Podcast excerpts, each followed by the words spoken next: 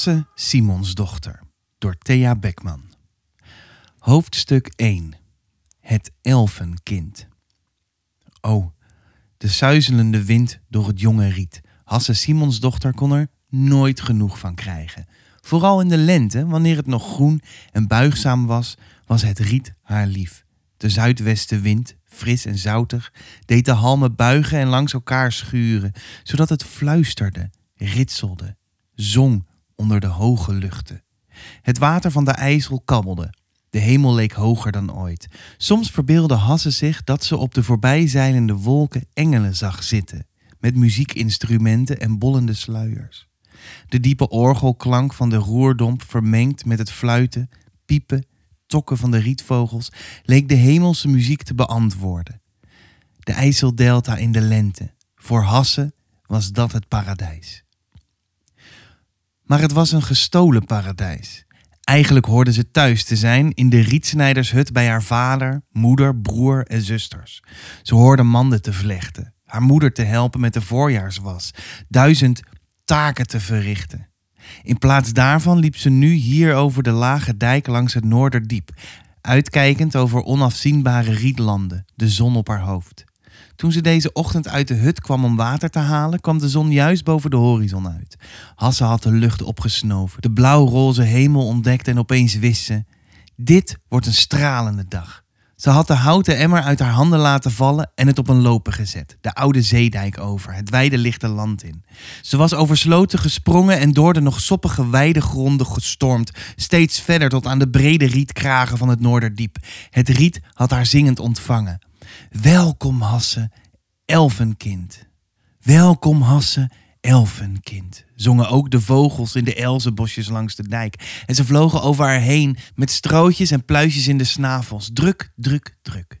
In de wazige verte achter de vonkende rivier stak de stad Kampen haar torens in de hemel en even meende Hasse boven het getjilp van de vogels uit klokgeluid te horen. De klokken van de bovenkerk Hasse was daar wel eens geweest met haar moeder vele jaren geleden en ze had het nooit kunnen vergeten. De ontzaglijke ruimte van de Sint-Nicolaas, door de Kampenaren Bovenkerk genoemd, had een onuitwisbare indruk op haar gemaakt. Iedereen in IJsselmuiden en in het terpdorp Grafhorst wist dat Hasse Simonsdochter geen gewoon meisje was. Toen ze nog een klein kind was, had een buurvrouw, verschrikt door Hasses driftbuien, donkere ogen en glinsterende tanden, tegen haar moeder gezegd: Maar vrouw Marte, dat is geen gewoon kind, dat is een wisselkind. Hasse had erbij gestaan en ze herinnerde zich nog het ontstelde gezicht van haar moeder toen hij de handen boven het hoofd hiep. Wat zeg je daar, Grieten? Je bent bedrogen, vrouw Marten. Ze hebben je oudste kind, toen het misschien nog geen dag oud was, uit de krib geroofd en er een elfenkind voor in de plaats gelegd. Dat doen ze soms, die rietelfen. Als je een mooi kind hebt gekregen, moet je het zorgvuldig bewaken. Anders komen de elfen en stelen het. Ze leggen er een van hun eigen broed voor in de plaats en wee het gezin dat zoiets overkomt. Dat zit jaren en jaren opgescheept met een elfenkind. Een onhandelbaar lelijk gedrocht dat voor niets wil deugen. Arme vrouw Marten, wat hebben ze je daar te pakken gehad? Hasses moeder wilde het niet meteen geloven, of schoon buurvrouw Gieten bekend stond als een wijze vrouw. Zou ik dat dan niet gemerkt hebben? stamelde ze. Denk na, was jouw kind zo donker? Had het zulk ravenzwart haar en zulke felle donkere ogen? Dat, dat, dat weet ik niet meer. Mijn kind was kaal toen het werd geboren en het had blauwe ogen, maar dat hebben toch alle pasgeborenen? Vrouw Grieten schudde het hoofd. Kijk naar je andere kinderen, Marten. Die hebben licht haar en grijze ogen. Lijken ze op Hasse? Lijkt Hasse op jou of op je man? Nee toch? Hoe komt ze dan aan die bruine huid, die spitse vingers? Ze is altijd buiten, probeerde moeder zich nog te verdedigen. Ik kan haar niet binnenhouden. Altijd zoekt ze de rietkragen op. Allicht, dat is haar tehuis. Ze hoort niet in een hut van achtenswaardige, hardwerkende mensen. Een wisselkind is het, dat bezweer ik je. Gelukkig voor mevrouw Marten kende vrouw Grieten ook het afweermiddel tegen ondergeschoven elfenkind. Je moet zo'n wicht slecht behandelen, had ze aangeraden. Geef het slaag en weinig eten, maak het voortdurend aan het huilen. Dat kunnen de rietelfen niet aanzien. Ze zullen dan op een nacht hun broed komen terughalen en er je eigen kind voor teruggeven. Zou het? Hasses moeder, vol twijfels en angsten, was kort daarop met Hasse aan de hand naar IJsselmuiden gelopen. Naar pastoor Damme, een korte, dikke man met uitpuilende ogen en een wat heese stem. Hij deed de kleine Hasse aan een kikker denken. Vrouw Marten vertelde de priester wat zij van buurvrouw Grieten te horen had gekregen en de pastoor had ernstig het hoofd geschud, terwijl zijn uitpuilende ogen onderzoekend op het meisje neerkeken. Misschien heeft Grieten gelijk, vrouw Marten. We weten dat zulke dingen soms gebeuren en nu je het zegt, in de loop der jaren heb ik tientallen kinderen gedoopt. En allemaal beginnen ze zacht te krijten wanneer het heilige water een hoofdje raakt. Maar ik herinner mij nu opeens dat jouw Hasse bij de doop een misbaar maakte en gilde alsof ze gekild werd. Ze sperde haar ogen open, keek mij recht aan met wilde haat en er verschenen rode vlekken op haar voorhoofd alsof het heilige water haar had gebrand. Ja, ja, fluisterde de moeder, die het zich helemaal niet meer kon herinneren. Ze had nadien nog drie kinderen laten dopen, maar wat pastoor Damme daar zei, of verzon, paste bij Hasse, met wie geen land te bezeilen viel. Wat moet ik doen? riep ze wanhopig. Als het waar is. Ernstig had pastoor Damme Hasses kindertje in de hand genomen en haar gedwongen hem aan te zien. Wie ben je in werkelijkheid, Hasse? had hij gepreveld. Hasse rimpelde haar neus. Ze had zin gehad om hem in de hand te bijten. Ze mocht de priester niet. Hij rook zuur en zijn priesterkleed zat vol vlekken. Woest had ze haar hoofdje teruggetrokken en met haar tanden geknerst. Ze is wild en ongehoorzaam, prevelde de pastoor. Heel anders dan je andere kinderen. Tja, dan is er maar één middel om te zorgen dat de elfen je eigen kind teruggeven. Je moet dit elfengebroed slecht behandelen. Vrouw Marten huiverde. Dat zei vrouw Grieten ook al, maar het klinkt zo zo hard. Hasse is nog maar een klein kind. De priester zuchtte en als alle onzekere mensen zocht hij steun bij een hogere autoriteit om van het probleem af te komen. Neem haar dan mee naar Kampen, naar de bovenkerk. Laat het kind daar onderzoeken door pastoor Bernardus, die een heilig man is. Hij zal je kunnen zeggen of je vermoedens juist zijn en hij kan je raad geven, goede vrouw. Zo gebeurde het dat de kleine Hasse voor het eerst in haar leven in Kampen kwam en aan de hand van haar moeder de bovenkerk inging. Maar pastoor Bernardus was juist gestorven en was een rouwdienst aan de gang. Terwijl haar moeder teleurgesteld naast een pilaar knielde om te bidden, liep Hasse vol verbazing rond in het kolossale gebouw. Met ontzag keek ze op naar de ramen, waardoor het licht in honderd kleuren binnenviel. Toen het orgel begon te spelen, luisterde ze bevend van aandoening naar de klanken die haar omspoelden. En toen ontdekte ze het schilderij. Het stelde de marteling van de heilige Sebastiaan voor. Hasse zag een naakte, kronkelende man die aan een pilaar was gebonden en werd doorboord met pijlen. Het bloed liep in straaltjes van hem af. Zijn gezicht was vertrokken in doodstrijd. Maar dat was het niet wat haar zo boeide. Ze stond stil, de duim in de mond, opkijkend naar de gruwel. En toen haar moeder haar aan de arm trok, snauwend: Waar was je nou weer? nam Hasse de duim uit haar mond, wees naar het paneel en zei helder: Kijk, rietpijlen. Wel nee, gromde moeder, die zijn van ijzer. Maar Hasse geloofde het niet. Ze liet zich meetrekken naar buiten, naar het zonnige plein, en daar werden ze opgenomen in de drukte en de herrie van een wereldstad. Kampen in de 15e eeuw, in heel de bekende wereld, was dat een begrip. Kleine Hasse had moeite om alles wat ze zag in zich op te nemen. Het was te veel tegelijk. Een kerk zo groot en hoog als de hemel. Straten en stegen vol mensen, prachtig gekleed, die deftig met elkaar spraken. En soms zomaar stenen huizen binnengingen. Hoge, zware poorten, wagens door paarden getrokken waar de voerman naast liep, schreeuwend dat er voorbijgangers opzij moesten gaan. Een indrukwekkend raadhuis met een schepentoren waarnaast de ijzeren kooi hing. Daarin werden misdadigers tentoongesteld. De vismarkt bij de vispoort waar de stank je op de keel sloeg. En dan al die pakhuizen waar goederen werden binnengebracht of uitgedragen. En de tientallen schepen langs de IJsselkade. Getooid met vlaggen, wimpels, opgerolde zeilen. Naast de beroemde brug over de IJssel stond het tolhuis. Ook al geheel van steen opgetrokken. En daarnaast het wonderlijkste bouwsel van al. Een hijskraan met een rad groter dan dat van een watermolen. Waarin Mannen liepen. Ze liepen en liepen. Drukten met hun blote voeten op de spaken van het rad en kwamen toch niet vooruit, maar het rad draaide en wond de lier op waarmee zware vrachten uit de schepen werden getild. Hasse stond er lang en aandachtig naar te kijken, tot haar moeder haar bij de arm greep en meesleurde. Het kind trapte gilde en zette zich schrap. Maar het werd weer gewillig toen het merkte dat ze nu weer over de brug zouden gaan. Boven het glinsterende water, waar Hasse kon zien hoe de schepen over de IJssel voeren met alle zeilen bol. Nog eenmaal keek ze om. Ze zag de stad liggen met haar indrukwekkende poorten, dikke muren, rondelen en torens en daarachter de boomkruinen. Zo mooi, zo kleurrijk. Ze wilde eigenlijk meteen weer terug, maar eenmaal over de zijde van de rivier, toen ze voorbij het dorp IJsselmuiden waren en over de oude zeedijk liepen, kwam de suizende stilte van de polder Hasse tegemoet en kon ze heel in de verte, achter de weilanden van de Geuten, de nieuwe zeedijk zien liggen. Met al haar zes jaren wist ze het toen weer. Daar liggen de rietlanden, waar ik niet mag komen van mijn moeder. Maar waar de vogels wonen, waar de rietelfen huizen en waar het zo heerlijk zingt in de zomer. Ze vergat de stad met alle herrie en drukte en zwaaide uitbundig naar de koeien op de stadsweide. Laat dat, zei moeder streng. Ze vond het absurd dat een mensenkind een rund begroette. Toch beantwoordde een van de koeien de groet met een diep geloei en kleine Hasser schaterde. Ze, ze geeft antwoord. O, heilige Maria, zuchtte moeder, waaraan heb ik het verdiend dat ze me een elfenbroed op het dak hebben gestuurd? En ze kneep Hasse zo hard dat het kind het uitschreeuwde. Thuisgekomen in de hut die tegen de dijk lag aangebouwd, kreeg Hasse een pak slaag. Ze gilde huizen hoog, maar geen rietelf kwam verontwaardigd binnenvallen om haar op te eisen. Ook later, toen ze wat ouder werd, kwam Hasse nog wel eens in de stad. Dan moest ze haar vader helpen om manden, rietmatten en stoelzittingen naar de markt te brengen, want al was ze een meisje, ze was groot en sterk voor haar leeftijd.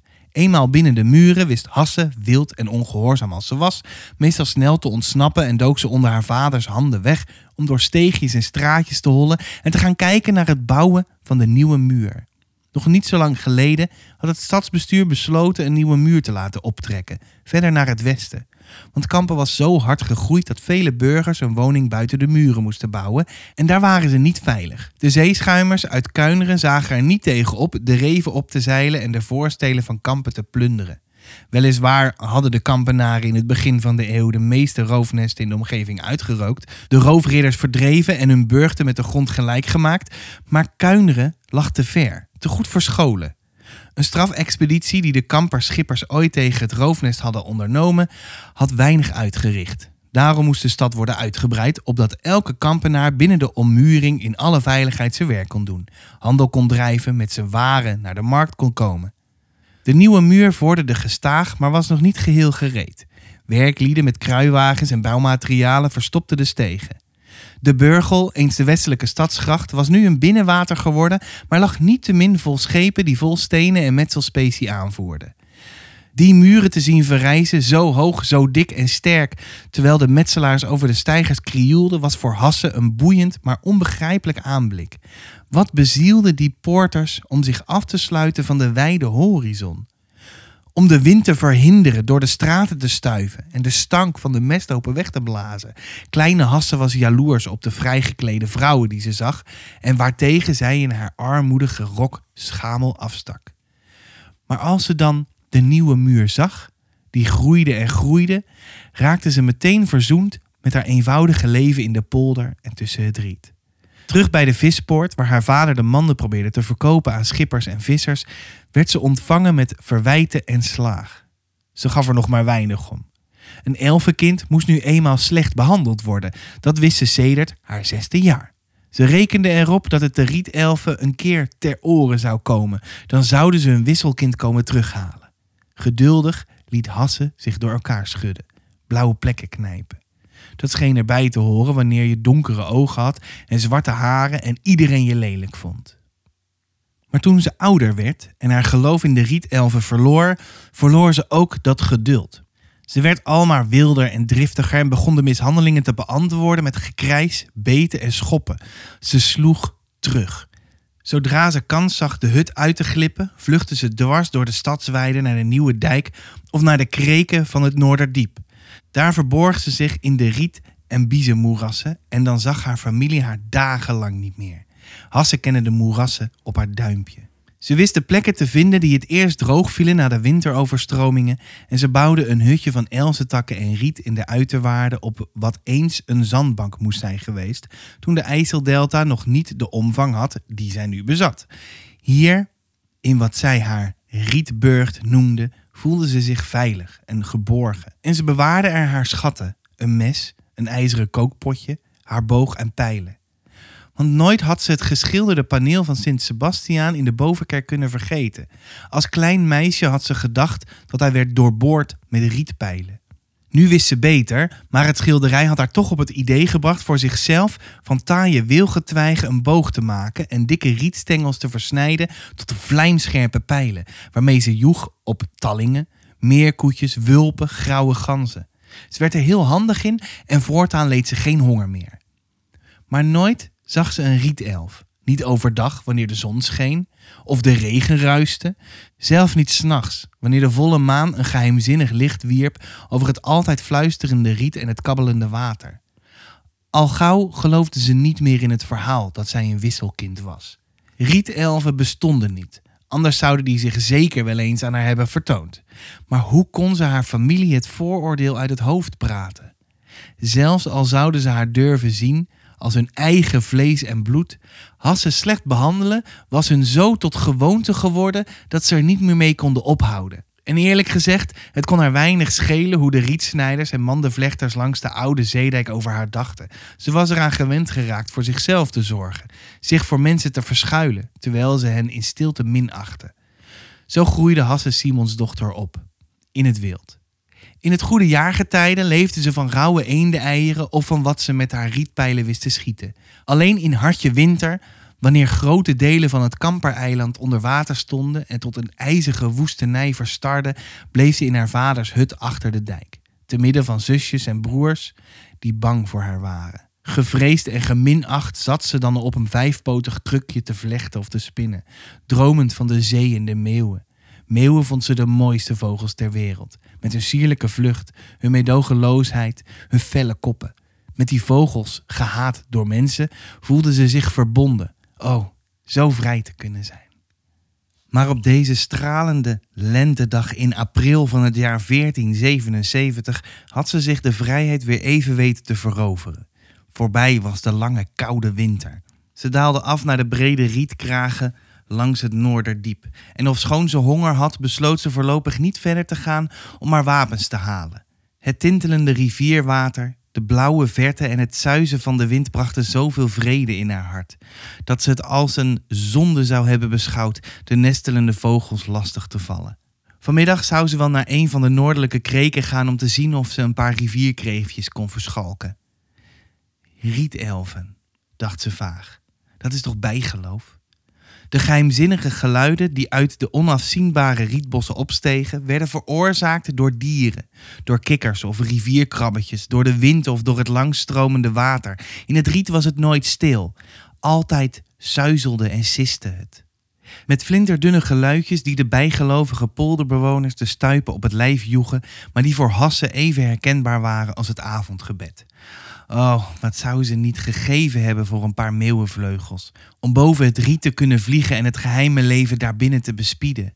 Ze zuchtte, stond op en strekte haar stijf geworden ledematen. Haar maag knorde. Ze keek op naar de zon die al vrij hoog stond en besloot toen op kreeftenjacht te gaan. Maar nauwelijks had ze zich omgewend om de rivierdijk te beklimmen of ze hield stil, met steef gehouden hoofd, luisterend naar de geluiden. Daar achter de elzenbosjes kwamen mensen aan met een kudde vee.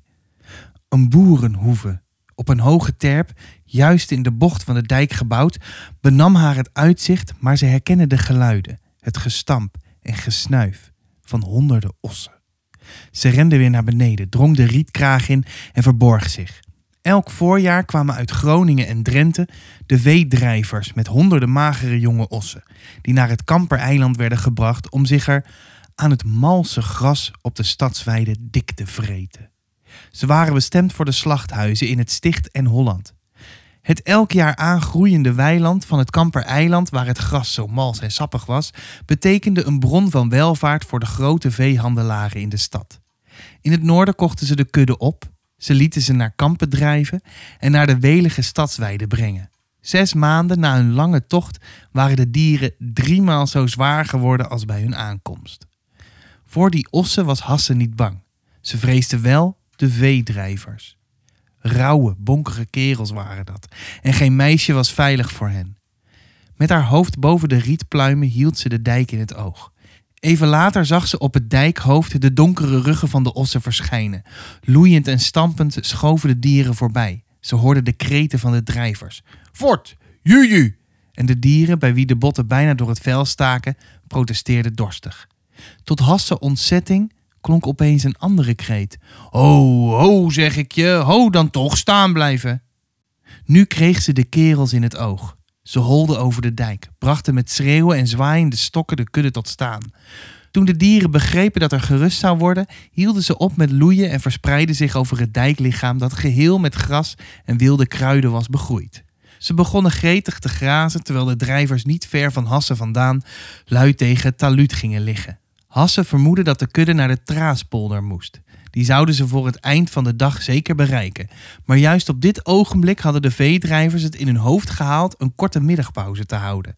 Bijna recht tegenover Hasses schuilplaats. Niet op haar gemak hurkte ze tussen het riet. Onbewegelijk. Om vooral niet de aandacht te trekken. De drie kerels hadden er geen flauw notie van dat dicht bij hen een meisje verscholen zat. Ze vlijden zich in het gras neer, trokken hun knapzak open en haalden grote hompen brood, een kruik bier en een stuk kaas tevoorschijn. O, heilige Nicolaas, dat ging lang duren. Hasse tot over haar blote enkels in de koude modder voelde hoe haar kuitspieren begonnen te verkrampen, maar ze durfde zich niet te verroeren. Tussen de dijk en de rietkraag lag nog een flink stuk gras. Ook daar liepen nu ossen rond, die met hun lange tongen de sprieten afrukten. En ze kwamen steeds dichterbij. Straks zouden ze vlak voor haar komen. Haar misschien ruiken en schrikken. Dat zou zeker de aandacht van de veedrijvers trekken.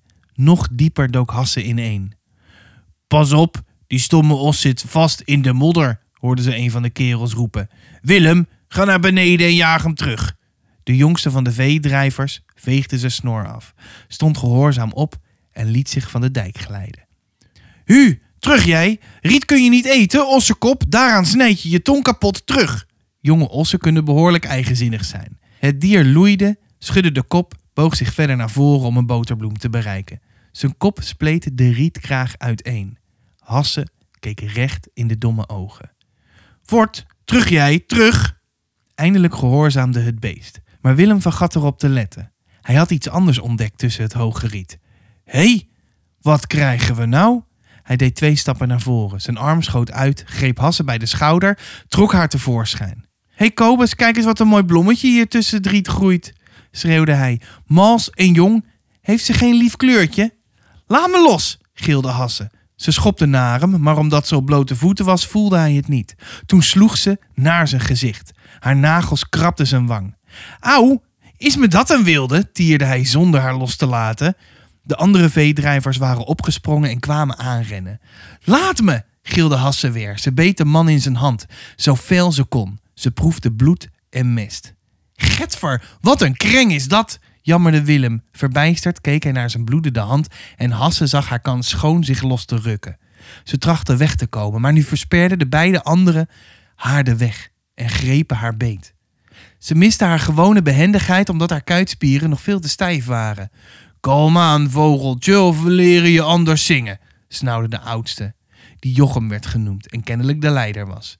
Mag jij zo gemeen bijten van je moeder? Daarvoor moet je gestraft worden. Kijk eens, Kobus, is het geen honingpotje van een meid? Die is wel aan een paar vrijers gewaagd. Hij probeerde haar te zoenen en Hasse spuugde hem in zijn gezicht. Nee, nee! Ze gilde, schopte, beet in het rond, maar tegen drie rabouwen kon ze niet op. Ze sleurde haar tegen de grond, rukte haar keurslijfje open, scheurde haar rok, hielden haar vast bij armen en benen terwijl ze hun bieradem in haar gezicht bliezen. Maar ze gaf het niet op. Ze bleef kronkelen, schreeuwen, zich verzetten uit alle macht. Duivels, dat is geen meid, dat is een wild beest, hijgde Jochem. Hij sloeg haar hard op de mond. Stil liggen jij, anders vermoorden we je. Sinds wanneer willen de boerenmeiden niet meer vrijen in de lente? Zo druk hadden ze het met hun pogingen haar te overweldigen dat ze niets merkten van wat er op de dijk gebeurde. Daar was een ruiter verschenen wiens witte paard zich een weg baande tussen de rondwalende ossen.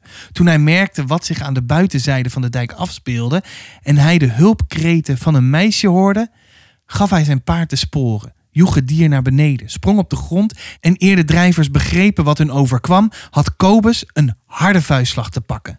Werd Willem tien voet weggeslingerd en kreeg Jochem, die boven op Hasse lag, een dolksteek tussen de ribben. Toen trok de ruiter hem van het meisje af en liet hem bloedend en rochelend in het gras vallen. Willem en Kobus, hevig geschrokken en doodsbang, zetten het op een lopen.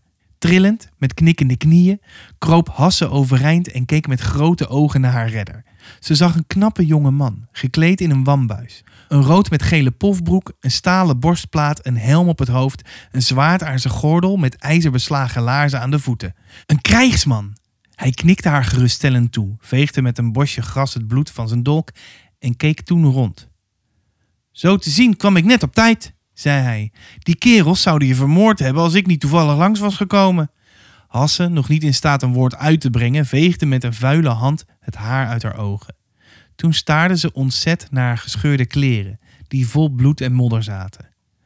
Dat is zijn bloed maar, zei de soldaat minachtig. Ik geloof niet dat jij eerste gewond bent.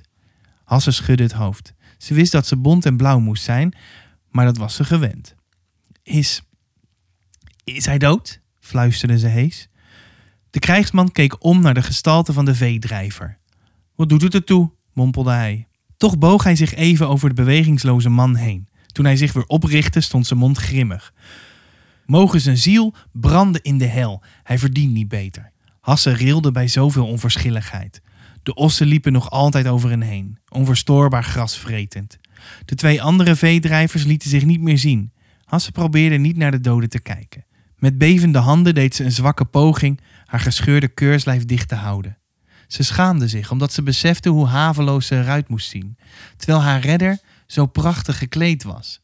Hij was beslist een officier en zij was half naakt. De vodden hing om haar heen. Ze zat onder het bloed en de modder. En na de vreselijke krachtinspanning die ze zo even al vechtend had geleverd, hield het beven van haar ledematen maar niet op.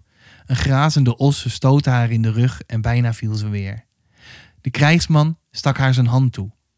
Kom, zei hij niet onvriendelijk, laten we hier weggaan. Ik krijg wat van die scharminkels om me heen. Hij floot zijn paard, dat gehoorzaam naderde. Zonder meer tilde hij Has in het zadel en klom er zelf achter. Niet naar huis, stoot het meisje uit. Zo mochten haar ouders haar niet zien. Er zou geen einde komen aan het schandaal. Waar woon je dan, kindlief? Oh, een eind hier vandaan, tussen IJsselmuiden en Grafhorst in de polder. De witte hengst zocht rustig zijn weg tussen de grazende ossen en na een tijdje waren ze van de kudde verlost.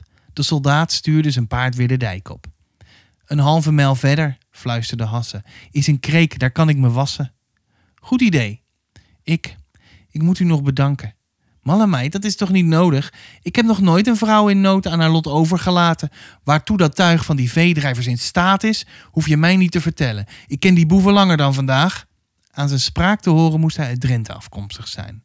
Toen ze de kreek hadden bereikt, steeg hij af, tilde haar uit het zadel en hield haar even vast. Bezorgd leek het wel. Kun je staan, meidje? Ze knikte woordloos. Hij leidde zijn paard naar het water, zodat het kon drinken en keerde toen bij haar terug.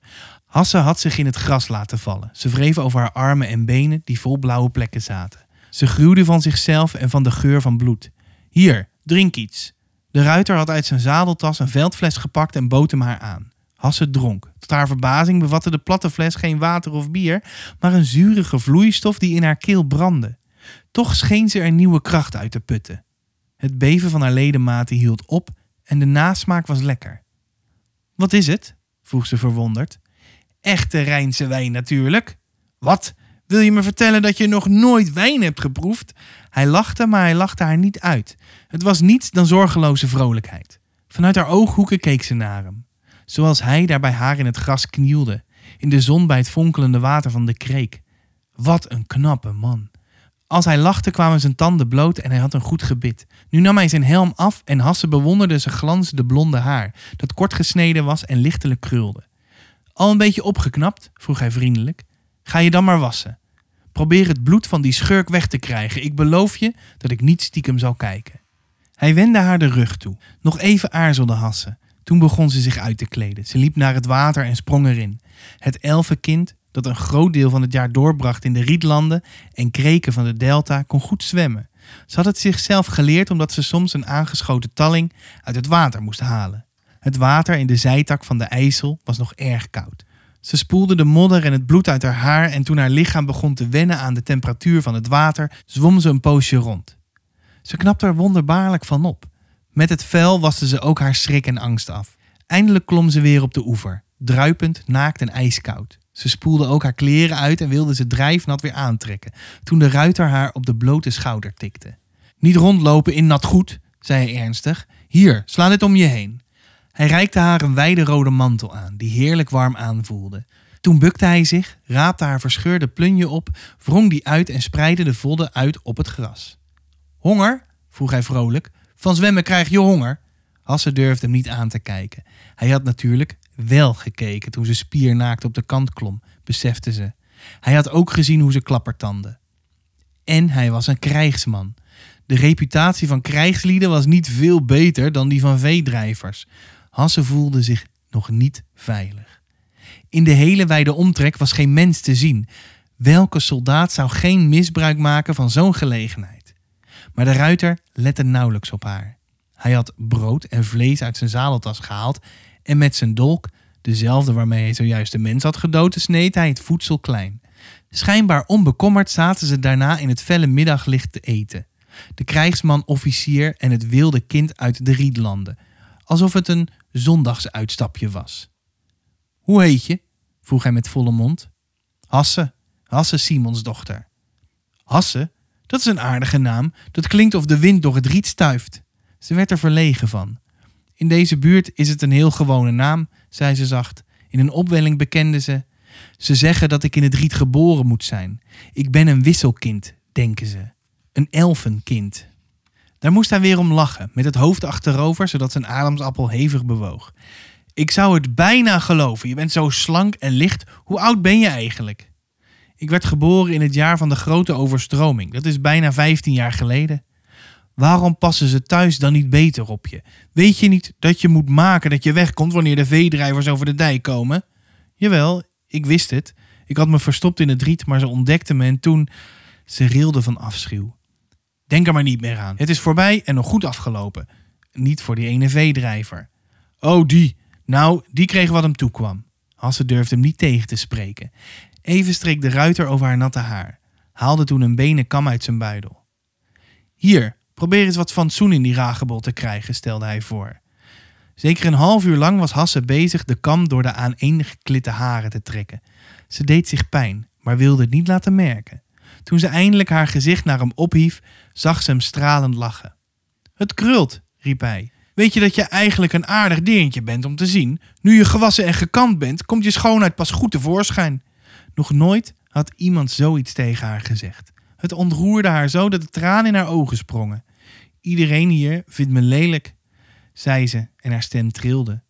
Ook pastoor Damme van IJsselmuiden. Misschien omdat ze een elfenkind in me zien, maar ik woon hier al mijn hele leven. Ik ben altijd buiten en ik heb nog nooit een elf gezien. Ze bestaan ook niet, stelde de ruiter haar gerust. Het zijn sprookjes van oude wijven die ze de kinderen vertellen om hun zoet te houden. Het voedsel was op. Hasse begon weer warm te worden. De zachte wol van de mantel streelde haar huid. Alle onbehagelijkheid viel van haar af. Maar toen hij plotseling een arm om haar schouders liet glijden, kromp ze ineen. Hij schudde het hoofd. Voor mij hoef je niet bang te zijn, meisje. Ik heb je niet uit de handen van drie overweldigers gehaald om je nu zelf te verkrachten. Wat doe je eigenlijk voor werk? Mijn vader is rietsnijder, maar dat is werk voor de nazomer en de herfst. Van het riet dat hij niet verkoopt, vlecht hij vismanden. Daaraan helpen we thuis allemaal mee, maar ik ga liever op jacht. Op jacht? Ik moet wel. Denk je dat de mensen een wisselkind behoorlijk te eten geven? Toen ik nog zo klein was, zeiden ze al dat ik niet deugde. En ik deug ook niet, want ik houd het niet uit in zo'n benauwde hut en tussen mensen die een hekel aan me hebben. Getroffen keek hij haar aan. Arm deerntje, wat moet je ongelukkig zijn? Tegen zijn medelijden kwam haar trots in opstand. Ik ben niet ongelukkig. Ik heb de zon en het riet en de vogels en Opgewonden, struikelend over haar woorden, vertelde ze over haar rietburgt achter de nieuwe zeedijk, over haar boog met pijlen en hoe ze op jacht ging. De ruiter luisterde glimlachend en klopte haar op de rug. Je bent inderdaad een wonderlijk meisje. Hij was zo vriendelijk. Vriendelijkheid maakte de dikwijls mishandelde hassen van streek. U hebt een mooi paard en zulke mooie kleren, prevelde ze. Bent u een edelman? Ze durfde het bijna niet te vragen, maar haar nieuwsgierigheid won het. Een edelman? Nee, of beter voor de helft. Mijn moeder was een heel gewoon meisje, maar ze was mooi. En de heer van, nou ja, dat doet er niet toe. Uh, mijn vader zorgde in elk geval dat ik een goede opvoeding kreeg. En toen mijn moeder stierf, gaf hij me een paard en raadde me aan de wijde wereld in te gaan en mijn fortuin te zoeken. Hasse hield de adem in. Een adellijke bastaard. Mag ik, mag ik weten hoe u zich noemt? vroeg ze voorzichtig. Donders, kindlief, wees niet zo verlegen. Je mag alles vragen wat je wilt.